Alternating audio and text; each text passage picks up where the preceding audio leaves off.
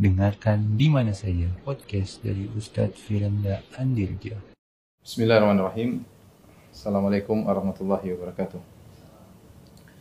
Alhamdulillahi ala ihsani wa syukru lahu ala taufiqihi wa amtinani wa asyhadu an la ilaha illallah wahdahu la syarika lahu ta'ziman li sya'nihi wa asyhadu anna Muhammadan abduhu wa rasuluhu da'ila ridwani Allahumma salli alaihi wa ala alihi wa ashabihi wa ikhwani uh, Ikhwan akhwat para jamaah uh, Majlis Ta'lim Masjid As-Sunnah Bintaro yang dirahmati oleh Allah Subhanahu wa taala.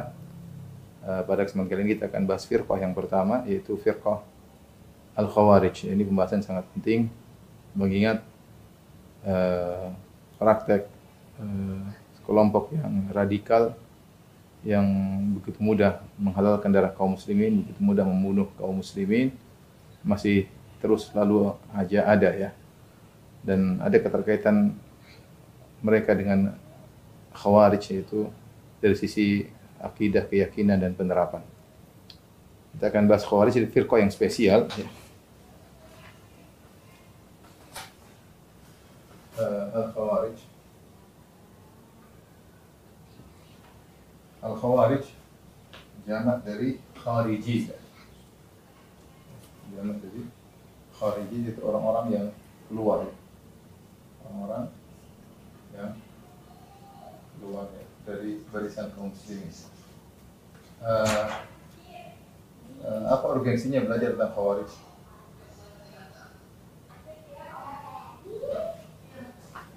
Yang pertama, ikhwan akhwat min Allah Subhanahu wa taala, Al-Khawarij adalah firqah yang pertama muncul. Pertama muncul. Ya. Uh, sebagaimana kita tahu sejarah, ya. Firqah yang pertama kali muncul adalah firqah Khawarij. Sebelum muncul firqah-firqah yang yang lainnya ya dan muncul dengan nyata di zaman Ali bin Abi Thalib uh, setelah terjadi peperangan Siffin, Ma'rakat Siffin antara Ali bin Abi Thalib dengan kubu Muawiyah radhiyallahu taala maka muncullah Khawarij yang kata Rasulullah SAW tamruku mariqatun hina firqatin minal muslimin taqtuluha awla ta'ifatain bil haq. Khawarij muncul ketika terjadi perpecahan di antara kaum muslimin dan akan diperangi oleh kelompok yang lebih utama di atas kebenaran. Itu muncul ketika perpecahan antara kubu Ali bin Abi Thalib radhiyallahu anhu dengan kubu Muawiyah radhiyallahu anhu muncullah Khawarij dan akan diperangi oleh kelompok yang lebih utama di atas kebenaran yaitu Ali bin Abi Thalib radhiyallahu taala anhu. Maka dia lah uh, yang pertama kali uh, muncul. Kemudian yang menakjubkan juga selain dia yang pertama kali muncul uh, Khawarij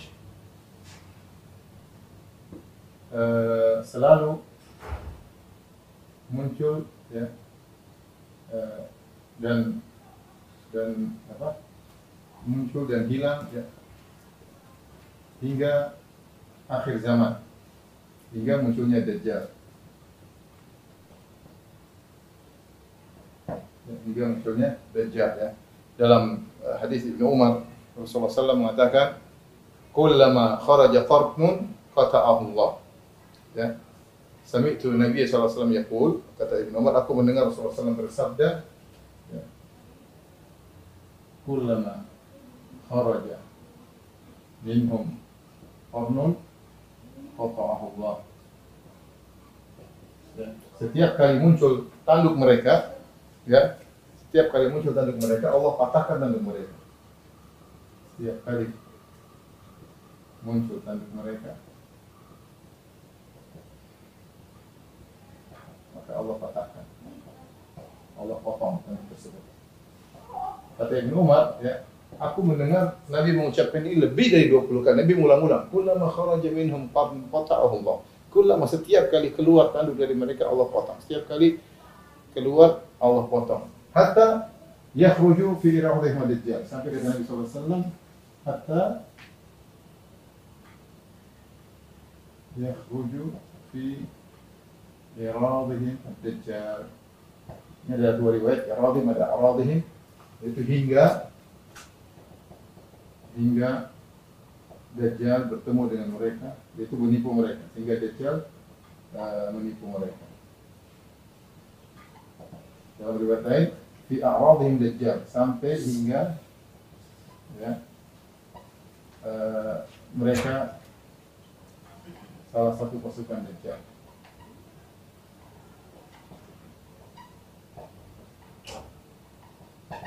Menunjukkan mereka akan keluar Ibnu Taimiyah mengatakan dalam eh, Majmu' Fatawa bahwasanya demikianlah Khawarij akan suluh muncul, hilang, muncul, hilang sampai menjelang hari kiamat sampai Dajjal. Menunjukkan kelompok ini tidak berhenti ya.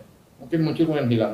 Dalam riwayat yang lain kata Nabi SAW, eh, fa idza kharaju faqtuluhum. Kalau mereka muncul perangi mereka. Thumma idza kharaju faqtuluhum. Kalau mereka muncul perangi mereka. Thumma idza kharaju faqtuluhum. Kalau mereka muncul bunuh mereka kata Nabi. Nabi bilang bunuh mereka sampai 20 lebih. Itu Nabi memotivasi untuk uh, membunuh uh, mereka. Ya.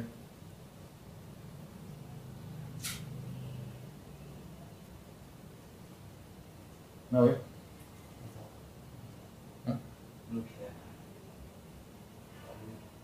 No? Baik, eh, ini Khawarij selalu muncul, hilang dan muncul dan hilang ya. Demikian. Eh, kemudian jadi mereka selalu ada ya. Dan bisa jadi muncul sekarang, bisa jadi hilang kemudian muncul kemudian ya kita selalu waspada dengan sehingga membuat kita selalu waspada dengan kelompok ini. Ya, hendaknya waspada. Hendaknya selalu waspada. dengan firqah ini. Baik di antaranya uh, Khawarij ya. Uh, Nabi sallallahu alaihi wasallam uh, satu-satunya firqah yang disebut namanya atau disebut sifat-sifatnya oleh Nabi wasallam dengan jelas dalam banyak hadis. Dalam banyak hadis, lebih dari 20 hadis. Ini tidak terdapat pada firqah-firqah yang lain. Kita tahu banyak pemikiran ya, banyak aliran ya, tapi Rasulullah tidak pernah nyebut misalnya Jahmiyah, Mu'tazilah misalnya atau kelompok-kelompok yang lain tidak pernah Nabi sebut tentang sifat-sifat khawarij. Datang dalam sebagian riwayat seperti Qadariyah ada khilaf tentang sahih atau tidak. Qadariyah majusu hadil ummah Qadariyah majusi umat ini ulama menghasankan, ulama mendhaifkan. Demikian juga datang riwayat dalam Murji'ah tentang Murji'ah tapi hadisnya dhaif. Tapi yang benar-benar sahih adalah uh, firqah Khawarij Rasulullah sebutkan dengan tegas sifat-sifat mereka. Ketika Rasulullah SAW menjelaskan dengan tegas ini menunjukkan mereka ini uh, spesial, ya. uh, spesial. Ya. Sementara sementara firqah-firqah yang lain tidak disebutkan dengan tegas. Seperti contohnya uh, Rafidah ya. Uh, si Rasulullah SAW tidak sebutkan dengan uh, tegas ya atau Jahmiyah atau yang lainnya kan. Tapi kalau Khawarij Rasulullah SAW sebutkan. Uh, sehingga timbul pertanyaan kenapa kenapa uh, Khawarij disebutkan secara spesial? Itu pertanyaan. Ini kenapa? Ya. Kenapa ditanya disebutkan secara spesial. Ada tiga, tiga pandangan ya, uh, tiga pandangan kenapa di sini secara spesial ya. Uh, di antaranya karena dia ada firqah yang pertama, firqah yang pertama, kemudian uh,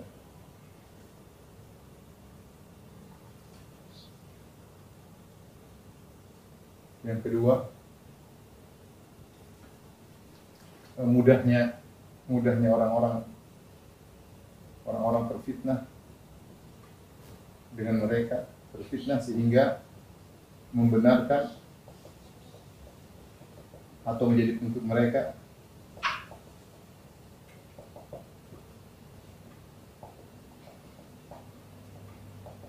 yang ketiga ya karena mereka bukan cuma pemikiran tapi aksi mereka bukan hanya pemikiran, bukan hanya sekedar pemikiran akidah, tapi aksi membunuh. Tapi aksi membunuh. Ini mungkin Allah alam tiga hal yang menjadikan mereka disebutkan secara khusus oleh Nabi SAW. Pertama mereka firqah yang pertama. Keduanya mudahnya orang terfitnah sehingga benarkan atau menjadi pengikut mereka. Bisa dibayangkan, ya, Rasulullah menyebutkan sifat mereka. Bagaimana ya Al-Quran, baca Al-Quran. Uh, tahkiruna solatakum ma solati. Kata Nabi, wahai para sahabat, kalian akan merasa merendahkan solat kalian dibandingkan solat mereka. Solatnya khawarij lebih hebat wasiyamakum ma'asiyamihim. Kalau kalian bandingkan puasa kalian dengan puasa mereka, kalian kalah. Artinya mereka benar-benar sangat ibadah zuhud, rajin puasa, rajin sholat. Kalau Nabi tidak sebutkan tentang bahaya mereka, orang mungkin terpedaya. Karena orang semua terpedaya dengan kezuhudan. Lihat kezuhudan, lihat uh, ketulusan dalam ibadah. Orang banyak terpedaya. Buktinya saya katakan, seperti uh, ketika zaman sekarang muncul ISIS, ya, muncul ISIS yang banyak ulama mengatakan mereka khawarij, yang kita jelaskan banyak orang membela. Saya bukan bicara cuma orang awam, bahkan dai-dai membela. Dai-dai membela. Di Indonesia banyak membela. Ya, membela, kemudian menyatakan uh, apa namanya? baiat kepada Abu Bakar Al-Baghdadi dan lain-lain banyak hal. Mereka membela. Sampai sekarang masih ada juga yang membela. Ya. Ada yang mereka sadar. Tapi maksud saya kemunculan mereka membuat orang terpedaya. Kemunculan mereka membuat mereka terpedaya, membuat orang terpedaya mudah mengikuti. Seandainya kita bayangkan Nabi tidak menjelaskan tentang bahaya mereka, sifat-sifat mereka. Mungkin ada orang-orang banyak mengikuti mereka setelah wafatnya Nabi Shallallahu Alaihi. Tapi Nabi jelaskan sifat mereka begini, begini, begini, begini, agar para sahabat tidak terbedaya. Tapi Nabi jelaskan dengan detail bagaimana sifat-sifat mereka. Makanya Ali bin Abi Thalib semangat memerangi mereka karena mengetahui dari Nabi tentang sifat-sifat mereka secara detail. Yang ketiga, yang bahayanya mereka, ya, mereka bukan hanya sekedar pemikiran. Dia dapati sebagian uh, ahlul bidah atau firqah hanya sekedar pemikiran Jahmiyah pemikiran, Mu'tazilah pemikiran ya. Tapi kalau Khawarij action, mereka aksi, bunuh. Membunuh sejak zaman dulu mereka bunuh kaum muslimin, mereka menghalalkan kaum muslimin, mereka kalau zaman sekarang ngebom sana ngebom sini ya. Uh, bagi mereka kaum muslimin darah mereka halal ya, yang tidak yang tidak sepakat dengan mereka dihalalkan darahnya. Dengan begitu mudah mereka menghalalkan darah kaum muslimin dan bukan cuma menghalalkan mereka aksi mereka bunuh. Maka mereka ini sangat uh, berbahaya dan ini ini menyebabkan uh, rusaknya citra Islam. Ya. Poin ini khususnya ya menyebabkan rusaknya citra Islam. Menyebabkan rusaknya citra citra Islam. Oleh karenanya uh, Nabi SAW saja ketika di, ketika sebagai para sahabat ingin membunuh kaum munafikin kata Rasulullah tidak la yaqulu an-nas anna Muhammadan qatal ashabahu. Orang orang munafik mereka casingnya orang Islam, maka tidak boleh kita membunuh mereka meskipun akhirnya mereka uh, kafir atau mereka murtad, tapi casingnya orang Islam sehingga Nabi jangan bunuh karena orang akan berkata kenapa Muhammad bunuh sahabatnya. Rasulullah juga memikirkan citra. Rasulullah juga memikirkan citra Islam jangan sampai citra Islam jadi buruk sehingga orang tidak mau masuk Islam gara-gara mendengar citra yang buruk Islam. Nah, sebagian saya ketemu dengan kawan-kawan yang mereka berdakwah terhadap non muslim. Mereka berkata sebagian mereka tidak mau masuk Islam gara-gara praktek ISIS. Bagaimana kata mereka? Bagaimana masuk Islam? Ada Islam kayak begitu. Bagaimana masuk Islam? Uh, kemudian satu sama-sama bilang Allah Akbar, kemudian saling bunuh membunuh. Ini sangat mengerikan, apalagi uh, diekspos ya apa yang mereka lakukan. Maka wajar jika Nabi SAW serius ketika menyebut tentang firqah khawarij ya. Maka khawarij ya adalah uh, apa namanya firqah yang sangat berbahaya ya firqah yang sangat berbahaya ya, karena uh, mereka aksi dan membunuh uh, kaum muslimin dengan uh, mudahnya ya dan kita tahu banyak sekarang banyak anak-anak muda yang terpengaruh dengan uh, dengan khawarij. Taib ini urgensinya kita belajar uh, khawarij agar kita tidak terpedaya. Apalagi khawarij selalu uh, selalu muncul dalam dunia Islam. Silih berganti jika hilang satu muncul yang lain, hilang satu muncul yang lain. Tapi bahasan berikutnya uh, akidah khawarij ya, akidah khawarij.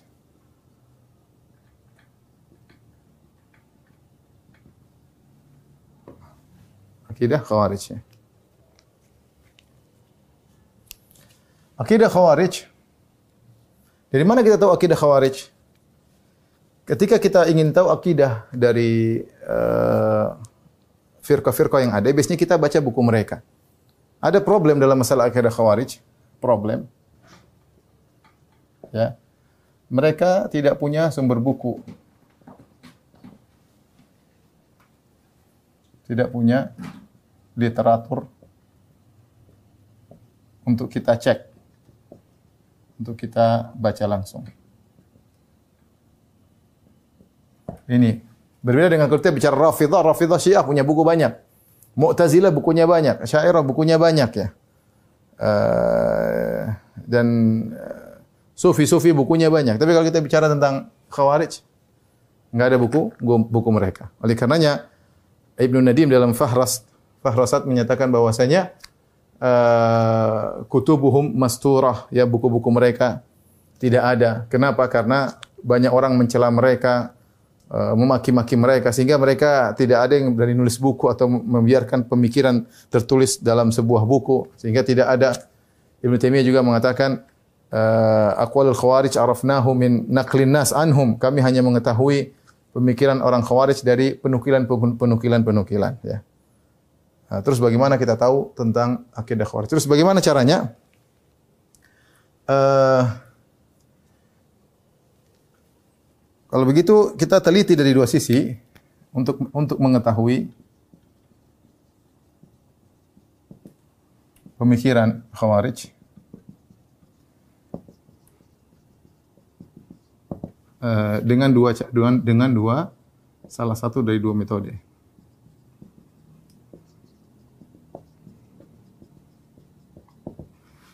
Yang pertama kita mempelajari sejarah mereka. Pertama mempelajari sejarah mereka. Sejarah mereka sambil meng, sambil uh, meneliti hadis-hadis yang hadis-hadis yang menyebut tentang mereka.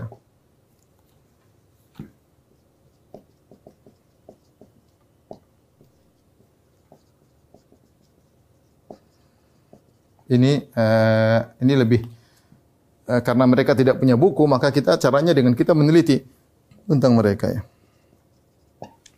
Yang kedua dengan melihat penjelasan para ulama dengan ya, melihat penjelasan para ulama. Pembahasan tentang khawarij terdapat dalam beberapa buku misalnya dalam misalnya ya uh, dalam buku tarikh ya. Dalam buku tarikh, buku sejarah ada penyebut tentang khawarij. Kemudian juga misalnya dalam uh, buku akidah disebutkan tentang khawarij. Di antaranya kutubul maqalat. Di antaranya adalah kutubul maqalat ya, yang sudah kita jelaskan pada pertemuan lalu. Kemudian juga khawarij disebut dalam buku-buku fikih. Buku-buku fikih kaitannya dengan bagaimana bermuamalah dengan mereka jika muncul satu kelompok yang menyerang pemerintah bagaimana itu uh, cara bermuamalah dengan mereka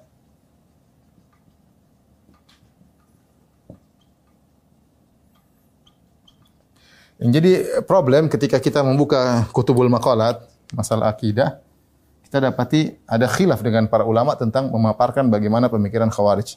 Ada khilaf para ulama dalam dalam memaparkan memaparkan pemikiran Khawarij.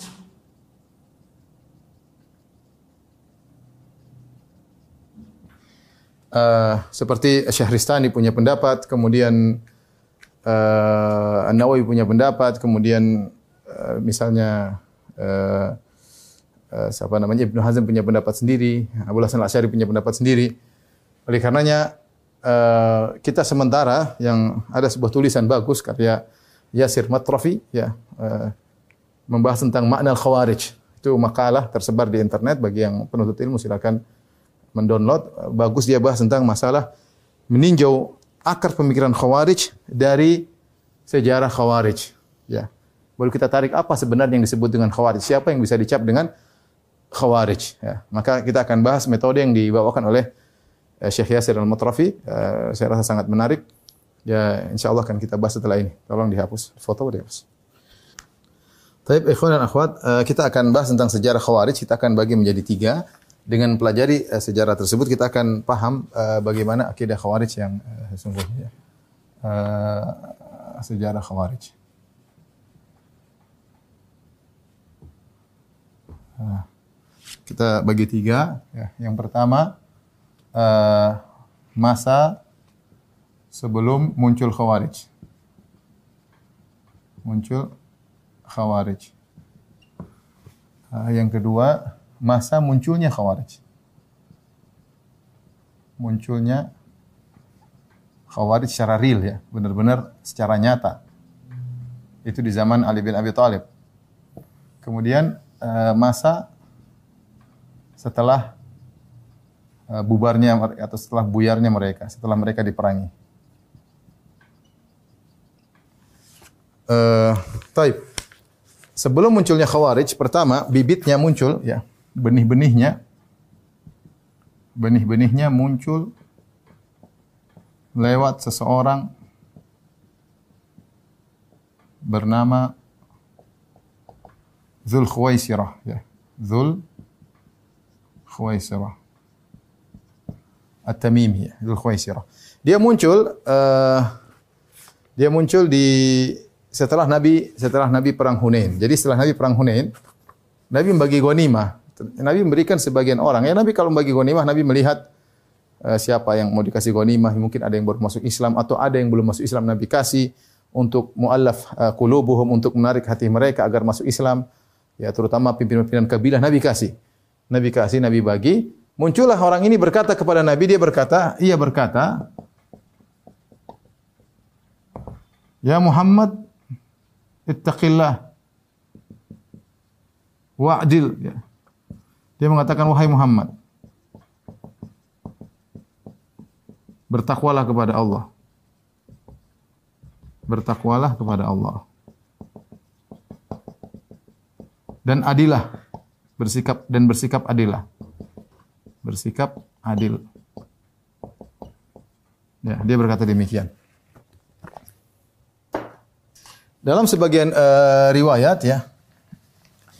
Dalam sebagian riwayat dia berkata ya, uh, dia mengatakan uh, kunna nahnu ahaqqu bihadza min haula. Kata dia, kunna uh, nahnu ahaqqu bihadza min haula. Kata dia, kami lebih berhak berhak uh, dapat bagian daripada mereka. Daripada mereka. Jadi dia seakan-akan protes kepada Nabi Shallallahu Alaihi Wasallam. Dia protes. Uh, dia mengatakan, saya lebih berhak daripada mereka. Ya. Seakan-akan dia mengatakan, Wahai Muhammad kau tidak adil. Dan jelas dia mengatakan kau tidak adil. Seakan-akan dia lebih adil daripada Muhammad. Makanya ada ujub pada diri orang-orang khawarij. Ada ujub ya. Nanti kita sebutkan sifat-sifat mereka. Ya mereka ada ada ujub ya, sehingga mereka berkata kepada Nabi, kau enggak adil wahai Muhammad. Maka Nabi SAW bantah, kata Nabi SAW, Man adil ilam adil. Siapa yang adil lagi kalau aku tidak adil?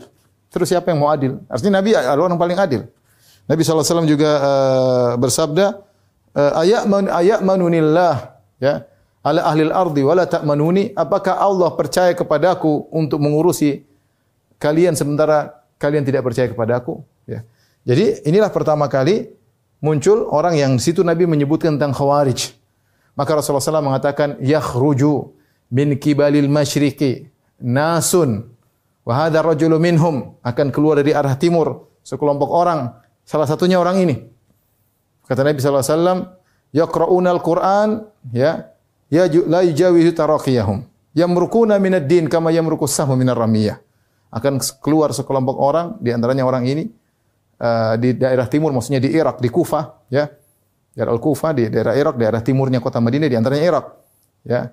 Uh, mereka baca Quran namun tidak melewati kerongkongan mereka. Mereka keluar dari agama seperti keluarnya anak panah dari uh, hewan buruan. Jadi anak panah begitu keras masuk ke dalam hewan buruan tembus. Ya. Kata Nabi SAW. Ini pertama kali Nabi SAW sebut tentang uh, khawarij. Nabi pertama kali menyebut tentang uh, khawarij. Ya. Maka uh, di, uh, kemudian Nabi mulai menyebutkan, jadi khawarij belum muncul ya. Khawarij belum muncul. Kalau dekat ya.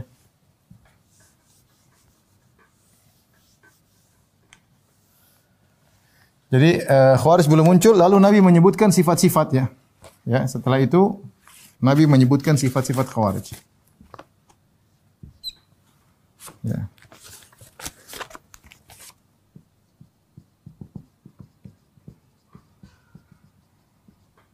Sifat-sifat khawarij yang akan muncul. Yang akan muncul ya. Nabi sebutkan sifat-sifat mereka banyak. Di antaranya uh, pertama mereka anak-anak muda dan bodoh. Anak-anak muda dan bodoh. Kata Nabi sallallahu alaihi wasallam, hudatsaul asnan. Sufahaul ahlam. Sufahaul al-ahlam. Ya mereka uh, muda dan uh, dan uh, bodoh, ya. Kemudian di antara uh, sifat mereka ya ibadah yang luar biasa. Kata kata Nabi SAW, tahrik tahkiruna salatakum asolatihim. Engkau kalian wahai sahabat akan merendahkan uh, salat kalian dibandingkan salat mereka. Kalian akan merendahkan puasa kalian jika dibandingkan dengan puasa mereka. Artinya ibadah mereka sangat uh, sangat luar biasa ya. Ibadah mereka sangat uh, sangat luar biasa. Kemudian uh, di antaranya mereka ujub ya, ujub. Ujub dengan diri mereka. Tadi contohnya, contohnya tadi Dzul Khuwaisirah, ya. Contohnya Dzul Khuwaisirah. Contoh Dzul Khuwaisirah yang protes kepada Nabi. sallallahu alaihi wasallam. Saya bacakan di antara uh, sifatnya kata Nabi sallallahu alaihi wasallam, "Inna fikum qauman ya'buduna wa yat'abun hatta yu'jabu bihimun nas." Sungguhnya di antara kalian ada suatu kaum yang mereka beribadah kepada Allah dan mereka terus beribadah kepada Allah hatta yu'jabu bihimun sampai orang-orang takjub kepada mereka. Ya. Wa tu'jibuhum nufusum dan mereka sendiri kagum dengan diri mereka. Orang-orang kagum sama mereka, mereka kagum dengan diri mereka. Jadi ada sifat gurur dan ujub yang merukuna minad din murukasahmi minar ramiyah. Mereka keluar dari agama seperti anak panah yang menembus uh, menembus hewan uh, apa namanya? hewan buruan ya. Ini uh, di antara sifat-sifat uh, mereka. Yang sifat-sifat yang termasuk parah adalah tidak paham tentang Al-Qur'an, ya. Tidak paham Al-Qur'an, hanya sekedar baca. Hanya sekedar baca. Padahal mereka bahasa ahli bahasa Arab. Mereka orang Arab. Ini banyak dalam hadis kata Nabi sallallahu alaihi wasallam, al-Qur'an la yujawizu taraqiyahum. Ya. Yaqra'una al-Qur'an la yujawizu taraqiyahum. Yaitu mereka baca Al-Qur'an tidak melewati kerongkongan, jadi cuma sampai di lafal doang. Mereka bahasa Arab tapi nggak ngerti Al-Quran. Mereka memahami lafal tanpa memahami makna yang dikandung, ya. Memahami lafal dengan pemahaman mereka sendiri. Nanti akan kita jelaskan ya prakteknya. Tanpa mendalami makna di antara ciri eh, ciri mereka ya. Kemudian Nabi mengatakan mereka punya kata-kata yang indah, ya. Ya, mereka mengatakan ya kuluna min khairi qailil bariyah. Kata-kata mereka indah.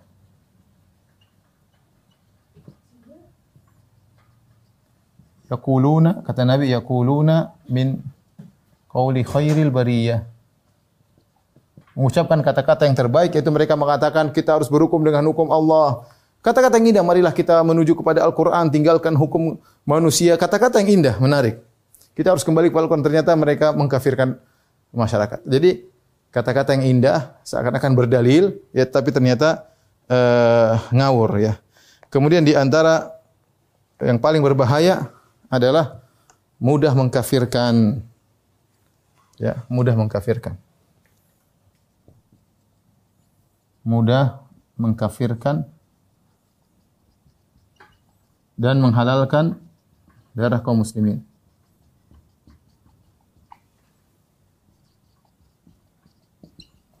Kaum muslimin. Nabi berkata tentang mereka, kata Nabi wasallam, yaqtuluna ahlal Islam yaqtuluna ahlal Islam wa yad'una ahlal awthan. Ini yang membuat uh, sangat berbahaya orang-orang uh, khawarij ya. Ber, sangat berbahaya orang-orang uh, khawarij.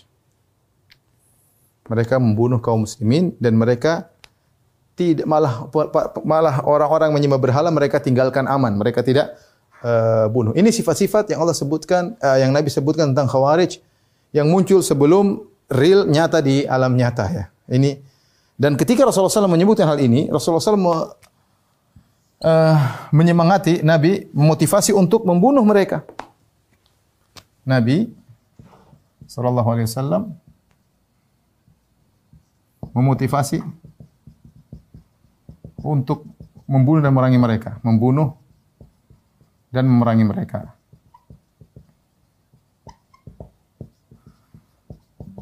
Nabi berkata dalam sebagian hadis, "La in ana adraktuhum la aqtulannahum qatla'at." Kata Nabi, la in ana adraktuhum la aqtulannahum qatla ad. Kalau aku bertemu mereka, aku akan bunuh mereka sebagaimana memerangi kaum Ad. Akhirnya Nabi akan bunuh dengan sungguh-sungguhnya. Kata Nabi SAW, Tuba liman qatalahum wa qataluhu. Sungguh beruntung orang yang membunuh mereka atau dibunuh oleh mereka. Kata Nabi sungguh beruntung. Orang yang membunuh mereka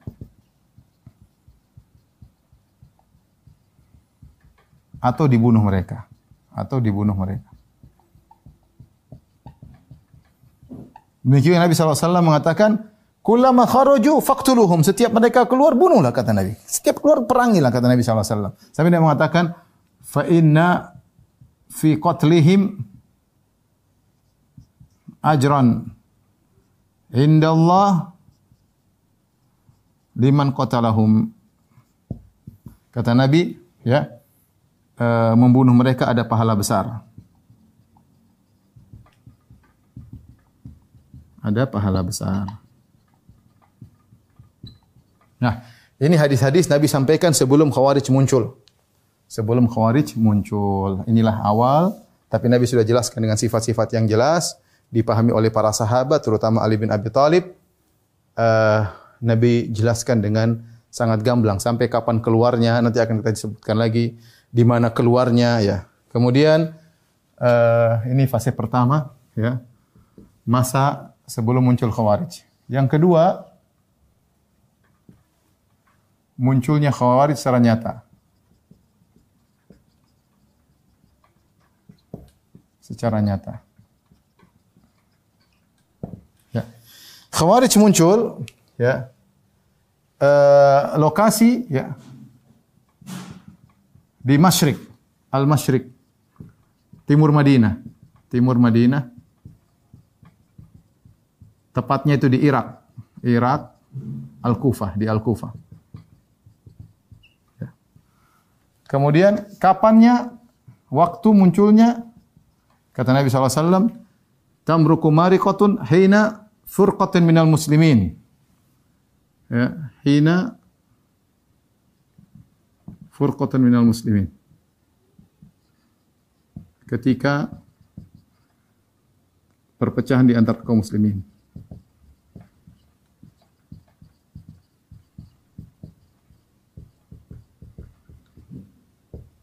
Kemudian kata Nabi, taktuluha aula taifatin bil haq. Di kelompok tersebut diperangi oleh yang paling dekat pada kebenaran. Ternyata yaitu muncul setelah perang Siffin. Perang Siffin ya antara Ali dan Muawiyah. Antara Ali dan Muawiyah. Muawiyah. Kemudian Khawarij diperangi kata Nabi mereka diperangi oleh kelompok yang lebih benar pada lebih dekat pada kebenaran, kelompok Ali yaitu Khawarij diperangi oleh Ibu Ali. Oleh Ali bin Abi Thalib radhiyallahu taala anhu. Jelas ya. Taib. Bagaimana uh, munculnya mereka? Jadi mereka ketika terjadi uh, antara kubu Ali dan kubu Muawiyah mereka perang, perang, perang. Akhirnya mereka mengangkat Al-Quran, kita berhukum dengan hukum Allah. Kemudian mereka berusaha untuk mencari perdamaian. Ketika itu kubu Ali mengirim Abu Musa al-Ash'ari untuk damai, untuk perundingan. Dan kubu Muawiyah mengirim Amr bin As. Amr bin As ketemu dengan Abu Musa al-Ash'ari untuk merundingkan apa yang harus terjadi di antara dua kelompok besar ini. Yang sudah berperang dan sudah banyak yang meninggal, uh, ribuan kaum muslimin yang meninggal dunia. Ketika uh, Amr bin As bertemu dengan Abu Salah Asy'ari, muncullah kelompok Khawarij. Mereka mengatakan, kami tidak ridha dengan hukumnya Amr bin As dan Abu Musa al-Asy'ari. Kenapa mereka hakamur rijal? Mereka menjadikan manusia sebagai sumber hukum. Harusnya mereka berhukum dengan Al-Quran. Inil hukmu illa lillah. Kata mereka hukum hanyalah milik Allah. Hakamur rijal. Mereka menjadikan laki-laki sebagai orang-orang sebagai sumber hukum itu Amr bin As dan Abu Musa al-Asy'ari. Maka mereka kafirkan Muawiyah, mereka kafirkan Ali bin Abi Thalib, mereka kafirkan semua yang ridho dengan tahkimul hakamain. Dengan dua keputusan dua orang ini Amr bin As dan Abu Musa al-Asy'ari. Maka kumpullah mereka di tempat namanya Harura. Ya, berkumpullah mereka tempat namanya Harura. Khawarij kumpul di Kufah.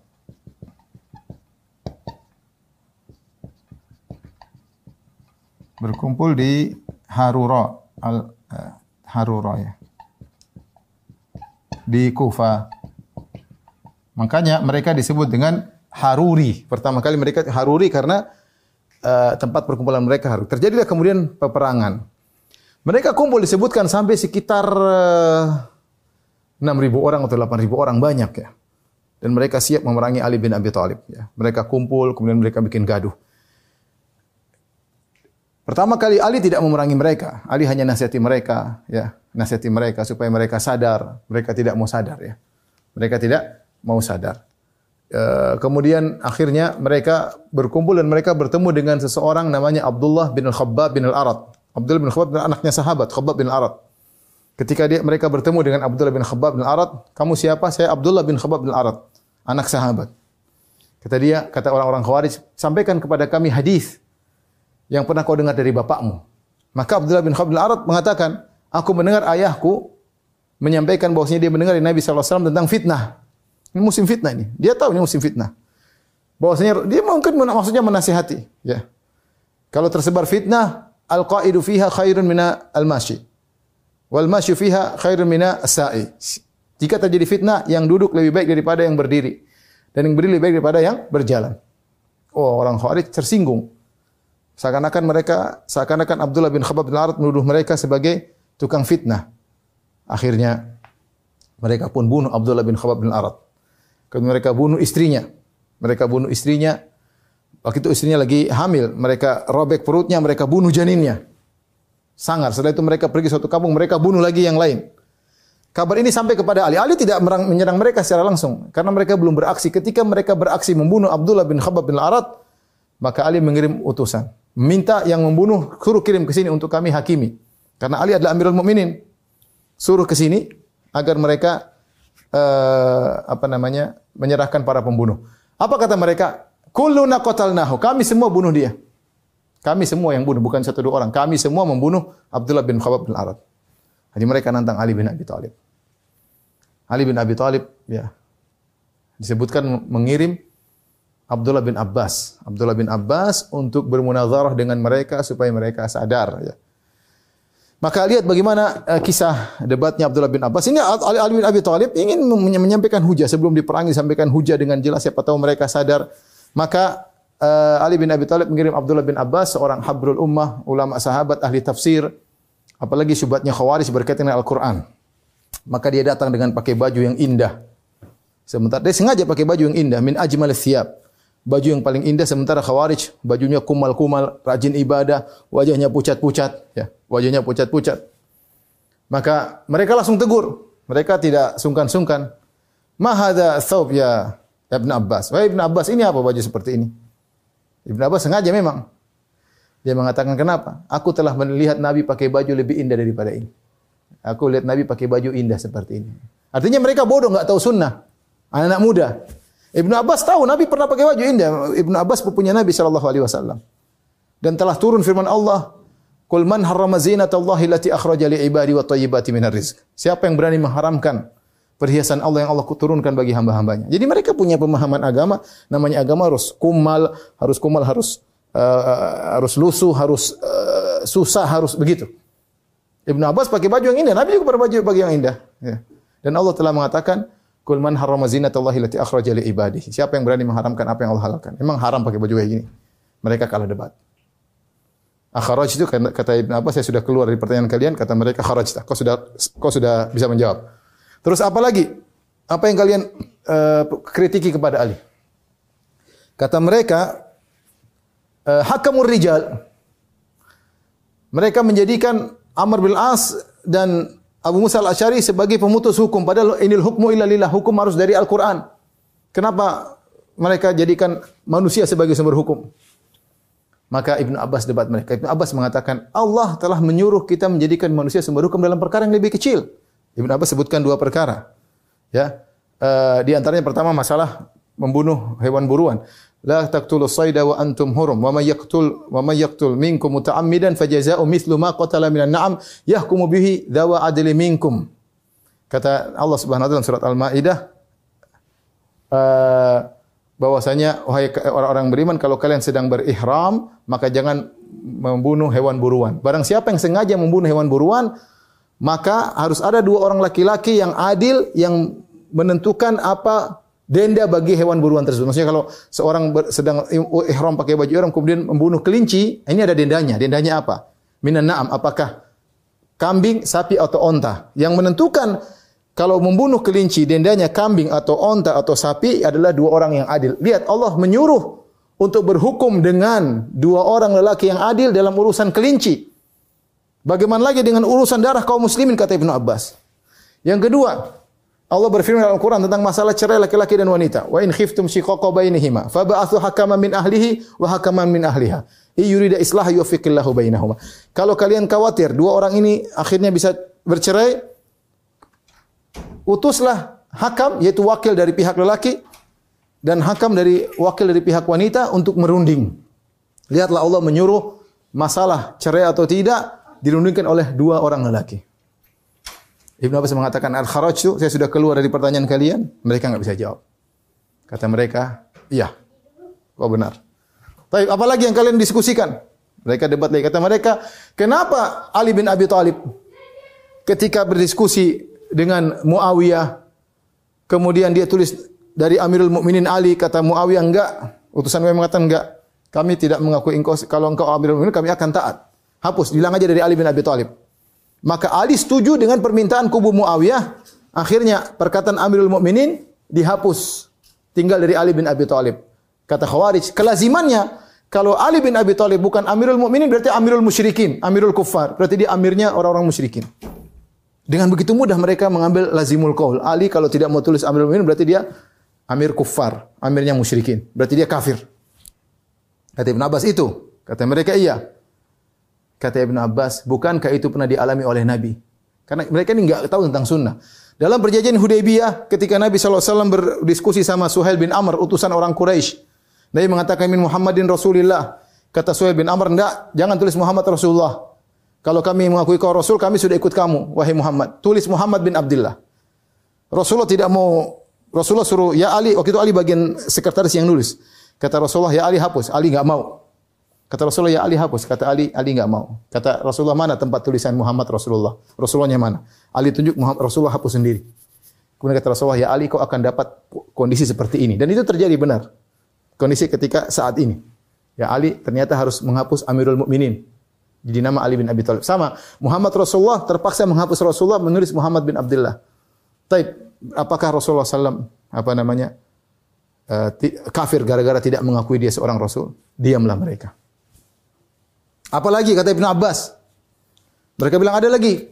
Ini syubhat yang terkumpul pada mereka semua dibantu oleh Ibn Abbas. Kata mereka, ketika Ali bin Abi Thalib berperang melawan dalam perang Jamal, dia menang. Kenapa dia lam yagnam walam yasbi? Kenapa dia tidak mengambil ghanimah? Kenapa dia tidak mengambil wanita-wanita sebagai tawanan? Kalau itu perang harusnya dia ambil ghanimah dan dia ambil tawanan. Kalau dia tidak mau ngambil ghanimah, tidak boleh ngambil tawanan, kenapa diperangi? Mereka pikirannya pendek. Cuma dua kemungkinan. Kalau di perang ya ambil dong ikut ikut Al-Qur'an, ambil ghanimah, ambil tawanan. Kalau tidak mau ngambil ghanimah, tidak mau ngambil tawanan enggak usah diperangi. Syubhat mereka, kata Ibn Abbas, "Hei, orang, wahai orang-orang, wahai maksudnya orang Khawarij ya. Tidakkah kalian tahu bahwasanya dalam perang Jamal ada ibunda kalian Aisyah radhiyallahu anha? Siapa yang berani menjadikan Aisyah menjadi budak wanitanya? Siapa yang berani? Kalau kalian mengatakan ibunda Aisyah bukanlah umul mukminin kalian kafir. Kalau kalian mengatakan dia adalah ibunda kaum mukminin kemudian boleh dijadikan budak wanita kalian kafir. Dia mereka tidak bisa jawab. Ibnu Abbas pulang dan di antara mereka 2000 kalau tidak salah sadar 2000 3000. Sadar balik ikut masuk kubu Ali tinggal sebagian dari mereka. Di antaranya dipimpin oleh Abdullah bin Wahab Ar-Rasibi. Setelah keluar 3000 atau 2000 mundur tinggal mungkin tinggal 4000 atau 6000 saya lupa. Maka Ali bin Abi Thalib siapkan pasukan untuk merangi mereka dan Ali kali ini semangat. Karena dia tahu tentang hadis-hadis bagaimana Nabi mengatakan yang merangi mereka dapat pahala besar. Kalau Nabi masih hidup, aku akan perangi mereka sendiri kata Nabi wasallam. Aku akan memimpin perang melawan mereka. Maka Nabi Ali bin Abi Thalib semangat Ali bin Abi Thalib menyemangati pasukannya untuk merangi mereka. Subhanallah, terjadi peperangan. Tetapi di antara hal yang aneh kalau kita baca sejarah, yang terbunuh dari kaum muslimin cuma dua atau beberapa. Yang tewas, yang lolos dari mereka tidak sampai sepuluh. Ribuan ya. Kok bisa perang tidak seimbang begini? Masa yang terbunuh dari kaum muslimin cuma dua tiga orang? Sementara mereka yang lolos cuma kurang dari sepuluh. Ada apa gerangan? Apakah Khawarij penakut ketika berperang? Mereka tidak takut, bahkan mereka berani mati dan mereka merasa bahwasanya mereka di atas kebenaran. Lantas kenapa yang tersisa cuma tinggal tinggal 10 orang. Disebutkan dalam sejarah, rupanya Abdullah bin Wahab Ar-Rasibi ketika dia memimpin pasukannya, ada pedang, ada anak panah, busur panah. Dia bilang, semua busur panah lepas, jangan pakai. Saya tidak ingin kalau kita berperang nanti mereka bicara dengan kita. Kita perang tidak pakai busur panah, kita pakai pedang. Jadi maksudnya apa? Maksudnya Abdullah bin Wahab Rasibi ini, dia ingin jangan sampai kalau terjadi perang-perang, Nanti ada diskusi-diskusi malah ngekor sebagaimana nanti muncul Ibnu Abbas diskusi sama mereka akhirnya mereka membelot. Dia tidak ingin pasukannya membelot. Kalau pakai panah kan masih ada waktu. Mungkin ada yang ngomong, "Eh, kamu jangan." Akhirnya mungkin bisa jadi belot ikut pasukannya Ali. Dia tidak ingin pasukannya belot, maka disuruh disuruh buang uh, busur panah dan mereka hanya bertempur dengan pedang. Ketika mereka menyerang, ya pasukan Ali cuma dari jauh panahin mereka. Sehingga tidak ada perlawanan yang begitu bernilai karena mereka pakai pedang sementara anak panah dari jauh akhirnya mereka mati semua tinggal sedikit orang mereka sebagian itu kabur. Berakhirlah Khawarij disebutkan yang kabur-kabur itu membuat firqah-firqah nanti akan kita sebutkan di di akhir uh, pembahasan. Taib, inilah munculnya Khawarij dengan nyata dengan nyata yang bisa kita simpulkan ada dua sifat yang utama ya. Dua sifat utama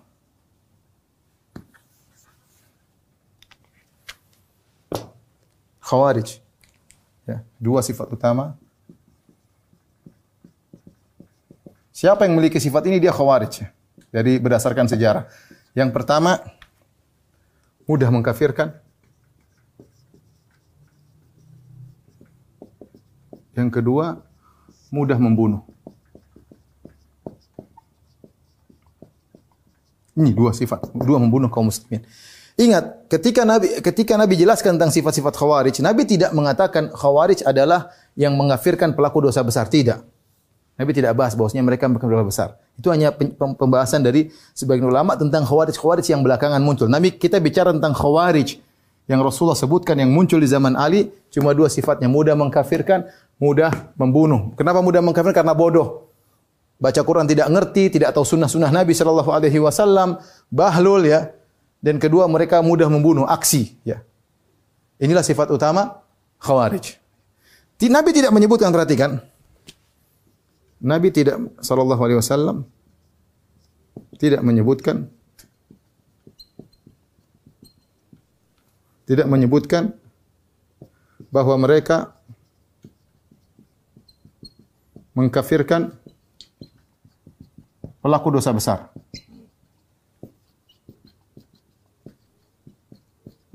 Bahkan zahirnya mereka tidak mengkafirkan pezina, mereka tidak mengkafirkan peminum khamar, cuma mereka mudah mengkafirkan Ali karena ada syubhat. Ada hal yang menurut mereka itu buat kafir. Tadi Ali Amirul Mukminin dihapus. Jadi Ali bin Abi Thalib terus kenapa tidak tidak makan tidak ambil ghanimah? Mereka kafirkan. Kenapa uh, apa namanya uh, Ali memberi hukuman kepada yang menghukum adalah manusia? Jadi tidak ada bicara mereka orang berzina kafir, minum khamar kafir, pelaku tidak. Nabi mereka tidak bukan begitu dan Nabi tidak pernah mengatakan demikian.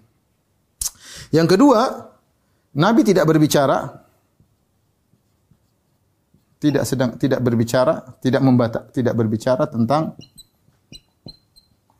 tentang sikap memberontak kepada penguasa. Kepada penguasa yang sah. Yang Nabi sebutkan cuma dua sifat ini secara mudah mengkafirkan, mudah membunuh. Maka kalau ada dua sifat ini terdapat pada suatu kelompok, atau seorang maka dia khawarij.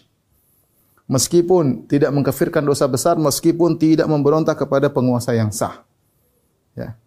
Ini perlu kita uh, perhatikan. Oleh karenanya, ketika sebagian ulama menghukum ISIS sebagai khawarij, terkumpul dua sifat ini. Mereka mudah mengkafirkan, bahkan sebagian teman cerita, ada orang naik mobil, di, saya teman dari Suriah cerita, orang diberhentikan, coba baca Al-Fatihah. Ada baca Al-Fatihah salah dibunuh, kamu ini sholatnya nggak benar. Pokoknya mudah sekali membunuh orang langsung dibunuh, langsung dibunuh. Ya, mudah mengkafirkan, mudah membunuh. Sebagian orang bingung, ISIS tidak bukan khawarij. Kenapa ISIS tidak tidak mengkafirkan orang pezina? ISIS tidak mengkafirkan orang yang uh, melakukan dosa besar, orang berbohong misalnya. Tidak semua pelaku dosa besar dia kafirkan. Maka tidak cocok dengan ciri-ciri khawarij. Kenapa kita katakan mereka khawarij? Yang kedua, ISIS tidak memberontak pada pemerintah. Mereka muncul di suatu negara yang tidak ada pemerintahnya. Mana memberontak? Nggak ada. Kalau gitu ISIS bukan khawarij. Ini kesalahan. Maka dibantah oleh para ulama bahwasanya mereka sudah cukup dikatakan khawarij karena memiliki dua sifat ini. Meskipun tidak memberontak, meskipun tidak mengkafirkan pelaku dosa besar. Ya. Itulah uh, khawarij. Taib. Taib tolong hapus sebentar. Tinggal marhala yang ketiga kita akan sebutin. Nah, baru kita selesai. Uh, setelah itu masa ketiga fase ketiga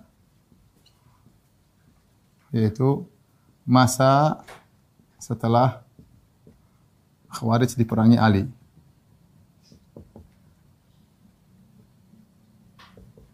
Ali bin Abi Thalib.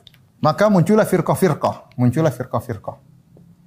Dan inilah muncul firqah-firqah uh, yang ditulis oleh para ulama dalam uh, kutubul maqalat ya, baik dalam uh, Maqatul Islamin atau dalam uh, Farqul Bainal Firaq Abdul Qadir Baghdadi menyebutkan firqah-firqah mereka yang uh, yang banyak ya. Tapi firqah-firqah mereka di antaranya ya di antaranya disebut al-muhakkimah. Ini yang ini yang keluar di zaman yang muncul di zaman Ali yang menuntut siapa yang bertahkim selain Allah maka uh, muncul di zaman Ali. Ali bin Abi Thalib radhiyallahu anhu. Kemudian namanya firqah Al-Azariqah. Ini firqah penganut uh, pengikut Nafi' bin Arzak. Kemudian juga ada namanya uh, As-Sofriyah. Ini pengikut siapa? Abdullah bin Asfar atau siapa? Pokoknya Al-Asfar. Nama-nama orang ini ya. Kemudian namanya ada uh, tidak salah Al-Jarudiyah, saya agak lupa juga ya. Ini juga terpecah-pecah menjadi berapa? Di antaranya adalah Al-Ibadiyah al-ibadiyah ya. Uh, banyak firqah khawarij ya. Banyak firqah khawarij tetapi semua semua firqah ini sudah hilang. Sudah punah. Yang tersisa, yang tersisa secara secara nyata di zaman sekarang cuma Al-Ibadiyah, Abdullah bin Ibad. Inilah uh, aliran dari uh, saudara-saudara kita di negeri Oman. Di negara Oman. Mereka adalah Al-Ibadiyah pengikut dari Ibadi, Al-Ibad Abdullah bin Ibad atau siapa Fulan bin Ibad, pendiri firqah Ibadiyah. Tetapi kalau kita lihat praktek pemikiran mereka sekarang, mereka tidak memiliki pemikiran khawarij yang seperti di zaman Ali bin Abi Thalib yang dikabarkan oleh Nabi. Mudah mengkafirkan dan mudah membunuh. Mereka tidak demikian. Ya, sebagian teman-teman kerja di sana dan mereka tidak mudah membunuh kaum muslimin dengan ISIS. Ya. Dengan ISIS mereka tidak. Uh, Uh, memang ada beberapa hal yang yang apa namanya di antara akidah mereka. Kalau kita lihat akidah mereka sangat mirip dengan Mu'tazilah. Makanya dulu ada ulama mereka yang menulis buku mirip dengan Mu'tazilah seperti mereka mengatakan Al-Qur'an adalah makhluk. Mereka menolak Allah Subhanahu wa taala dilihat pada hari kiamat. Secara akidah kenyataannya secara akidah mereka lebih dekat dekat kepada Mu'tazilah kepada Mu'tazilah. Ya. Dari sisi Al-Quran makhluk, kata mereka.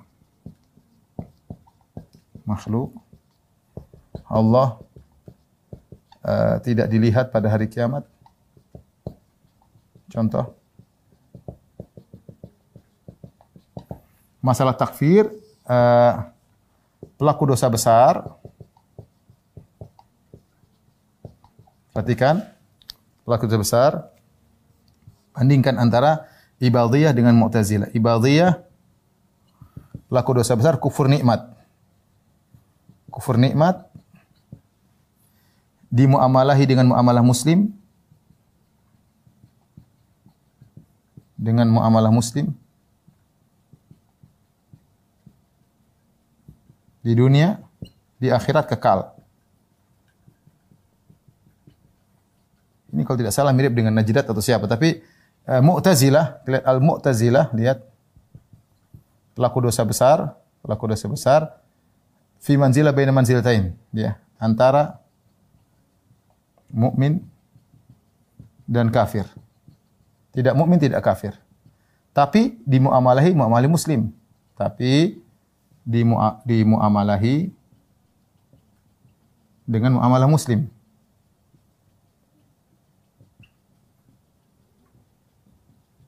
di neraka kekal. Nah, kalau kita perhatikan dua ini, ya, maka sebenarnya uh, ibadiyah sangat mirip dengan Mu'tazilah. Ibadiyah sangat mirip dengan Mu'tazilah. Adapun uh, mudah mengkafirkan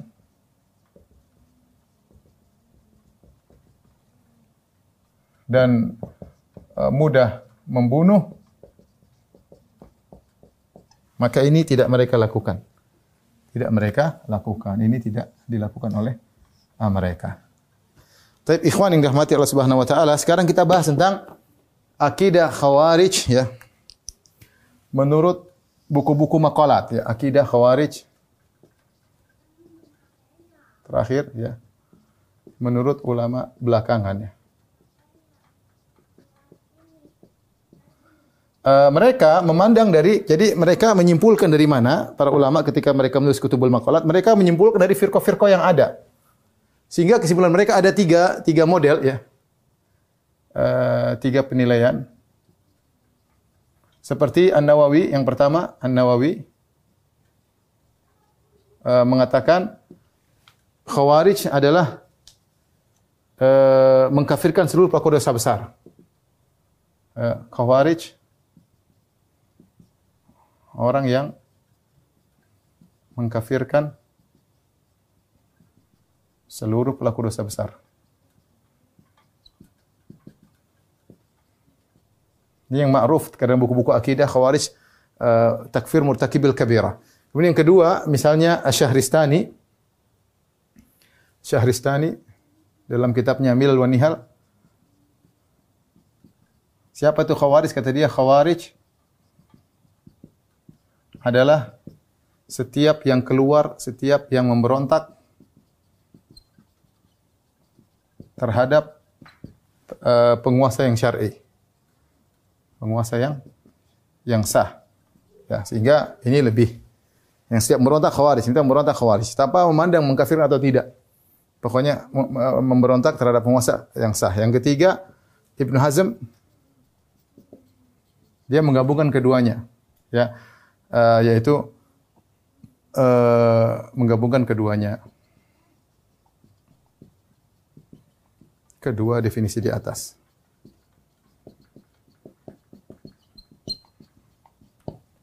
Di sini uh, Ibnu Hajar punya perincian, Syekhul Islam juga punya perincian. Syekhul Islam kalau kita baca tafsir beliau tentang Khawarij, beliau cenderung kepada yang kita simpulkan. Saya akan baca mungkin di hari uh, pengajian ya. Atau saya baca sekarang ya, ya. Uh, Ibnu Taimiyah rahimahullahu taala ya, beliau berkata dan ini juga sama dengan Al-Qurtubi dalam kitabnya Al-Mufhim ya. Beliau berkata, tentang Khawarij yaitu annahum lamma hakamu bi kufri man kharaju alaihi minal muslimin istabahu dima'ahum wa taraku ahla dhimmah.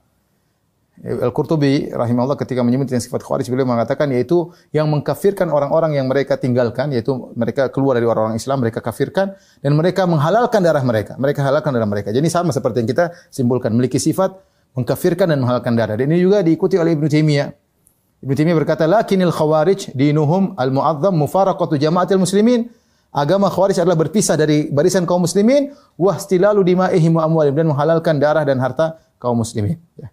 Nah, beliau sebutkan dalam uh, konteks yang lain, oleh karena dalam konteks yang lain ini menakjubkan Ibnu Taimiyah menganggap orang-orang Rafidah yang suka membunuh ahlu sunnah, menghalalkan darah mereka sama dengan khawarij.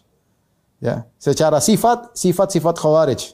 Seperti orang-orang Rafidah zaman sekarang yang membunuh uh, sebagian kaum muslimin dengan mudahnya, maka uh, menghalalkan darah mereka, membunuh seperti waktu kejadian di Suriah. Teman-teman banyak cerita bagaimana orang-orang uh, Syiah mengatakan uktulus sunnah wa dukhulul jannah. Bunuhlah ahlu sunnah masuk surga. Jadi ada ada merasa ibadah dengan membunuh kaum muslimin. Orang Khawarij dulu juga begitu. Mereka merasa beribadah dengan membunuhi kaum muslimin, ya. Oleh karenanya uh, adapun definisi yang belakangan maka ini definisi dari buku-buku belakangan barang siapa yang keluar dari uh, pemerintah maka dia khawarij itu pem, pem, uh, pendapat Syehristani. Taib Ibnu Hajar memiliki uh, perincian dan ini juga disindir oleh disinggung oleh Taimiyah ya. Ini mungkin saya tutup terakhir tentang orang-orang yang uh, memberontak ada tiga model. Yang pertama namanya al-bughat, yang kedua namanya Al-Khawarij. Yang ketiga ada namanya Kuta Tariq. Ini dibedakan. Jadi Al-Bughat yaitu yang memberontak karena menuntut keadilan. Berontak karena menuntut keadilan. Ya ini juga kalau mereka menimbulkan mudarat bisa diperangi. Tapi mereka bukan khawarij. Khawarij adalah memberontak yang disertai pengkafiran, yang disertai dengan pengkafiran. Mengkafirkan penguasa dan rakyat misalnya. Mengkafirkan. Kalau dia menguasai, mengkafirkan penguasa, mengkafirkan seluruh perangkat penguasa, abri polisi itu khawarij. Kota Tori kayak perampok di jalan. Ini juga di diperangi. Ya. Bedanya kalau al-bugot tidak boleh langsung diperangi. Al-bugot maka di seperti Allah mengatakan fa'im apa namanya? Wa in ta'ifatan minal mu'minin iktatalu fa aslihu bainahuma. Kalau ada dua yang berselisih maka damaikanlah. Fa in bagat ihdahuma al faqatilu. Kalau mereka ternyata memberontak dan bisa menimbulkan kemudaratan maka perangi. Tapi asalnya didamaikan. Dan khawarij khawarij disuruh diperangi. Ini bahaya khawarij karena mereka bukan hanya merontak tapi serta dengan uh, pengkafiran. Ya, oleh karenanya ikhwan dan akhwat tidak semerta-merta kalau ada orang yang kemudian uh, melakukan pencelaan terhadap penguasa, kita mengatakan khawarij secara syar'i, kita bilang dia salah, dia menyelisih sunnah. Tapi tidak bisa kita label dengan khawarij. Tidak mudah kita label dengan apa? Khawarij. Kecuali ada pemikiran mengkafirkan kaum muslimin, baru di situ ada pemikiran khawarij. Dan ada di tanah air kita orang yang begitu mudah mengkafirkan penguasa, mengkafirkan PNS dan yang lain. Itulah pemikiran khawarij. Tapi kalau tidak sampai pada derajat pengkafiran, maka kita bilang salah, ini mudarat dan yang lainnya kita tidak setuju tapi melabeli khawarij maka tidak tidak mudah. Taib uh, demikian saja ikhwan dan akhwat yang rahmatillah subhanahu wa taala kajian kita pada kesempatan ini insyaallah kita uh, lanjutkan pada kesempatan yang lain uh, firqah berikutnya insyaallah tentang Rafidhah atau yang lainnya. Wabillahi taufiq wal hidayah. Assalamualaikum warahmatullahi wabarakatuh.